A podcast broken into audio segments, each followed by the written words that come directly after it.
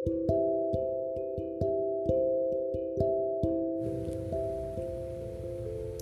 hanya bisa menatap punggungnya, lalu berkata, "Bertahanlah." Berapa lama lagi aku bisa bertahan?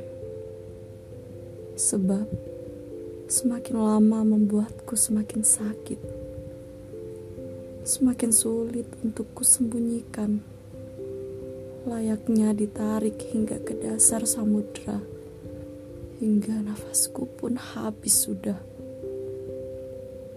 Terpikir untuk ku menyerah, sebab seberapapun besar usaha yang kulakukan, tetap mereka tak akan lagi memandangku. Diriku layaknya udara yang ada namun tak dapat terlihat.